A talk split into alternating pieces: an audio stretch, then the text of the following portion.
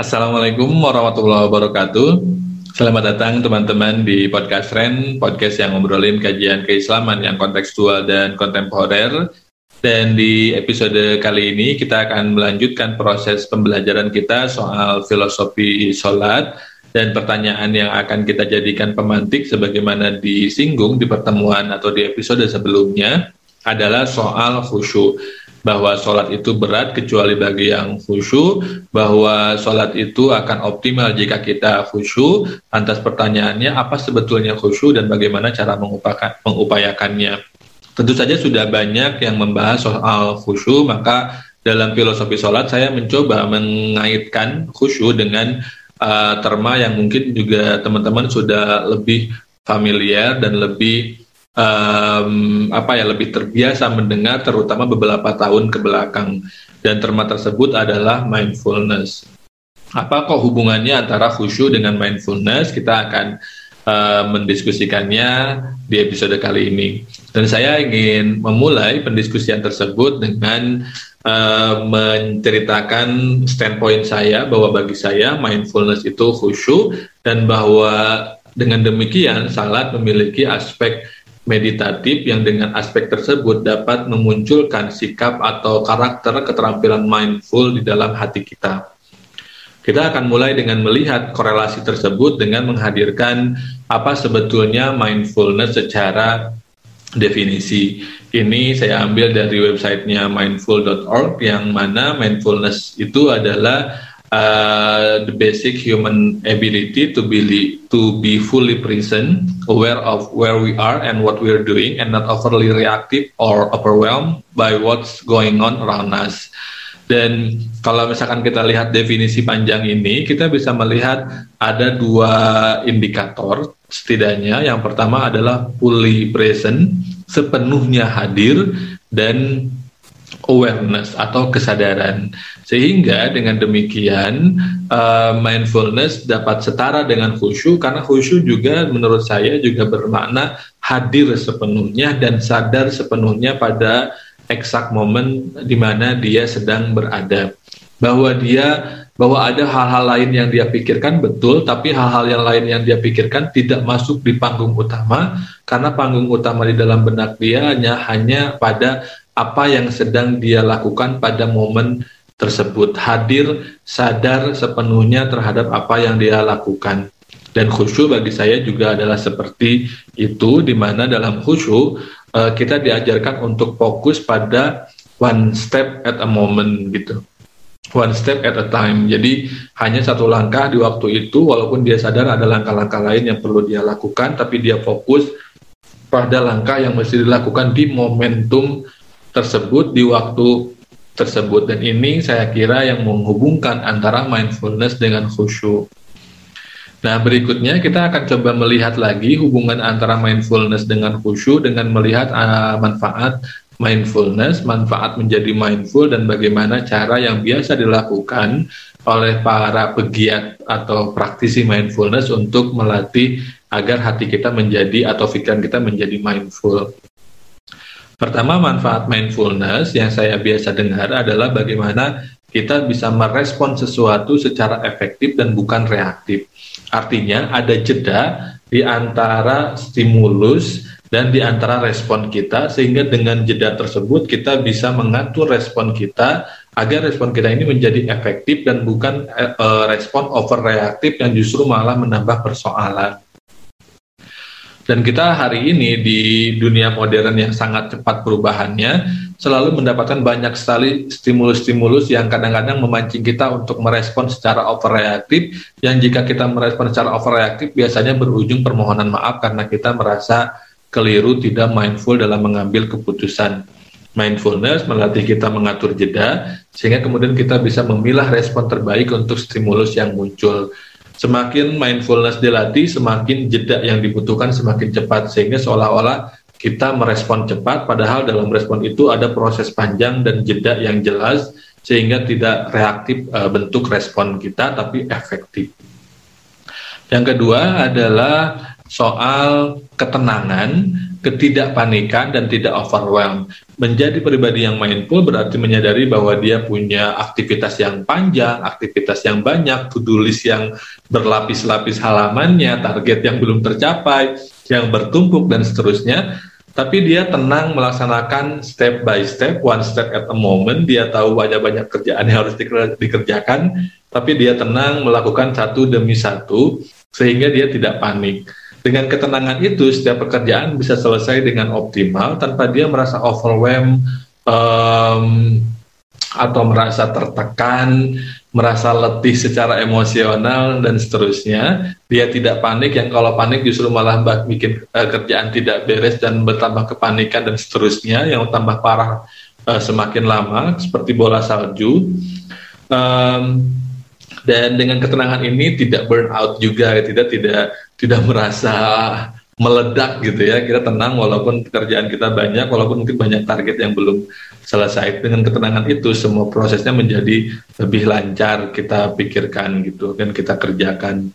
Dan agar kita memiliki dua hal ini sebagai manfaat dari mindfulness um, banyak kemudian yang menyarankan agar kita melakukan meditasi yang secara umum sederhana saya terjemahkan sebagai proses untuk mengolah rasa mengat mengatur atau mengolah nafas dan mengatur uh, jeda. Sehingga dengan proses kita mengolah rasa dan mengolah nafas, kita bisa melatih kesadaran untuk fully aware pada momen present, momen saat ini, dan dengan hal tersebut kita bisa melatih ketenangan dan bisa mengatur atau melatih jeda ketika kita mencoba merespon stimulus yang muncul sehingga tidak reaktif sifatnya. Nah, bagaimana konteks kedua hal ini, manfaat mindfulness dan e, cara agar menjadi mindful ini berhubungan dengan khusyuk? Saya melihat dalam proses khusyuk dan berhubungan dengan kenapa kemudian saya meyakininya sebagai sel, e, apa ya beririsan dengan mindfulness. Kita saya mau mencoba melihat pertamanya pertama dengan dalam konteks strategi intervensi dan kemudian output. Nanti kita akan memutuskan apakah ada irisan ataukah tidak ketika berbicara dengan ketika berbicara soal strategi intervensi di dalam sholat itu ada rukun tertib. Rukun tertib ini secara harfiah dimaknai sebagai satu aktivitas tidak boleh uh, dilakukan secara acak, tetapi harus sekuensial, harus berurutan sesuai dengan urutan pada rukun sholat, sehingga semuanya tertib. Nah, walaupun tertib eh, kadang-kadang dimaknai sebagai cara agar sholat tidak acak-acakan, tetapi kita juga bisa melihat rukun tertib ini menekankan pada aspek kesadaran bahwa untuk melakukan sholat ada step by step yang harus dilakukan setiap stepnya itu ada waktunya masing-masing gitu, nggak bisa sekaligus uh, semuanya sesibuk apa pun kita. Tetap harus pertama bersuci dulu, kemudian misalkan mengenakan baju yang rapi, menutup aurat, um, niat takbiratul ihram dan seterusnya hingga kemudian menutupnya dengan Salam. Setiap proses, setiap rukun harus dilaksanakan secara tertib, one step at a time. Outputnya adalah kita tahu bahwa dalam pekerjaan atau to-do list kita yang banyak itu pasti ada yang bisa kita prioritaskan, kita dahulukan, sehingga hal-hal lain yang mungkin uh, harus kita kerjakan tapi tidak terlalu mendesak bisa kita tunda di belakang. Dengan demikian kita tidak tidak akan menjadi overwhelmed karena kita tahu kita mengerjakannya secara sekuensial berdasarkan prioritas. Dan kalau ngobrol prioritas, kalau bagi saya ini ada empat kategori. Ada penting mendesak, ada tidak penting tapi mendesak, ada penting tapi tidak mendesak, dan ada yang tidak penting dan tidak mendesak. Nah yang perlu didahulukan adalah yang penting dan mendesak, kemudian yang uh, tidak penting tapi mendesak juga. Itu yang menurut saya yang perlu didahulukan. Uh, yang paling akhir tentu saja yang tidak penting dan tidak mendesak itu kalau perlu dihilangkan saja. Kemudian yang kedua, ada sakta. Di dalam sholat itu ada jeda di antara perpindahan aktivitas sholat. Misalkan ketika kita takbiratul ihram, kita dianjurkan untuk mengambil jeda beberapa jenak sebelum kita melanjutkan dengan membaca doa iftitah. Setelah doa iftitah, kita dianjurkan untuk mengambil jeda beberapa jenak sebelum Al-Fatihah. Dan seterusnya ketika uh, ruku sebelum membaca doa ruku kita dianjurkan uh, mengambil jeda beberapa jenak. Itidal juga sama, sujud juga sama, tahiyat juga sama atau tasyahud dan kemudian uh, salam juga sama. Dan saktah ini atau jeda ini di antara aktivitas-aktivitas sholat, di antara rukun-rukun dan sunnah dalam sholat, ini sebetulnya ya melatih tadi, melatih kita untuk mengambil jeda pada segala sesuatu sehingga kita tidak menjadi reaktif tapi justru malah efektif. Dan selain sakta, ada juga yang disebut dengan tumanina. Kalau sakta di antara aktivitas di dalam sholat, kalau tumanina di dalam aktivitas tersebut. Maka ada ulama yang menggabungkan tumaninah dengan rukun, ada yang memisahkannya. Karena memang tumaninah melekat di dalam rukun-rukun. Ruku ada tumaninahnya, tumaninah tersebut melekat di dalam ruku, iktidal juga demikian, sujud juga demikian, tasyahud juga demikian. Maka ada yang memisahkan dan ada yang menggabungkan. Tumaninah ini secara harfiah kan ini berhubungan juga masih satu kata dengan tatmainul kulub yang artinya adalah ketenangan. Nah, tumanina melatih kita untuk tidak panik, untuk riding the wave, untuk tenang gitu. Kita tahu bahwa sholat ada banyak aktivitasnya, tapi kita menikmati setiap aktivitas di dalam sholat sehingga kita tumaninah di dalam aktivitas tersebut. Kalau kita kaitkan dengan dengan pelaksanaan pekerjaan kita, kita tahu nih ada 10 to-do list, tapi kita tumaninah di setiap pelaksanaan melaksanakan uh, item to-do list tersebut. Ketika mengerjakan ketika saya misalkan ketika saya bikin materinya saya tumanina bikin materinya saya tenang saya tidak saya tidak saya tidak uh, saya menghilangkan godaan untuk terburu-buru pengen tapping. Ketika tapping saya menghilangkan godaan untuk buru-buru menyelesaikan semuanya. Saya menikmati setiap uh, episodenya menikmati setiap bagiannya walaupun saya tahu setelah ini ada pekerjaan lain yang menunggu. Dengan latihan tumaninah tadi, sesibuk apa pun, sepadat apa pun, kita uh, dilatih untuk menikmati setiap uh, listnya, sehingga pekerjaan itu tidak menghasilkan atau tidak menghasilkan stres atau distress yang besar, yang semakin banyak pekerjaannya, semakin stresnya bertambah besar. Alih-alih kita menikmati setiap proses uh, pekerjaannya, apalagi kalau kita memulainya dengan Bismillah, dengan niat, dengan orientasi, dan dengan perspektif Rahman Rahimnya Allah insya Allah semakin tumaninah karena kita tahu kita melakukan sesuatu dengan tujuan yang jelas, dengan orientasi yang jelas dan seperti apa pun kita melaksanakannya dengan tumanina uh, satu demi satu sehingga tidak panik gitu. Kemudian yang terakhir adalah doa dan ayatnya sebagai mantra atau obat. Saya memahami meditasi sebagai sebuah aktivitas yang kadang-kadang selain olah nafas juga kadang-kadang mengucapkan sesuatu sebagai mantra ini bisa jadi keliru, bisa jadi benar, saya kurang tahu, tapi kalau dalam konteks sholat, saya melihat doa dan ayat yang kita baca mulai dari takbir, doa iftitah, apalagi dalam Al-Fatihah, dalam surat, dalam doa ruku, doa itidal, doa sujud, dalam tahiyat, dan seterusnya.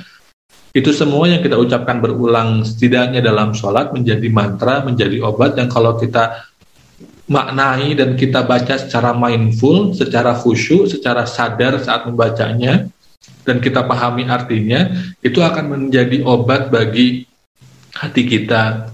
Dan ini juga berhubungan dengan bagaimana Allah mensifati um, Al-Quran yang kita baca uh, minimal Al-Fatihah dan sunnahnya dengan surah sebagai syifa, mahuwa syifa, warahmatul lil mu'min bahwa Al-Quran itu adalah uh, obat dan rahmat bagi uh, uh, umat Islam gitu ya, bagi yang membacanya sehingga ketika kita membacanya dia menjadi obat menjadi uh, rahmat yang obat itu terutama berhubungan dengan hati. Yang uh, outcome-nya adalah ketenangan atau tatmainul kulub dan ini berhubungan dengan zikir atau proses mengingat Allah. Yang proses itu juga bisa kita lakukan melalui pengekspresian doa-doa. Entah itu iftitah, entah itu tasbih, doa sujud dan seterusnya. Yang ala bidzikrillah tatmainul qulub. Semua doa dan semua ayat outcome-nya adalah tatmainul qulub atau hati menjadi tenang.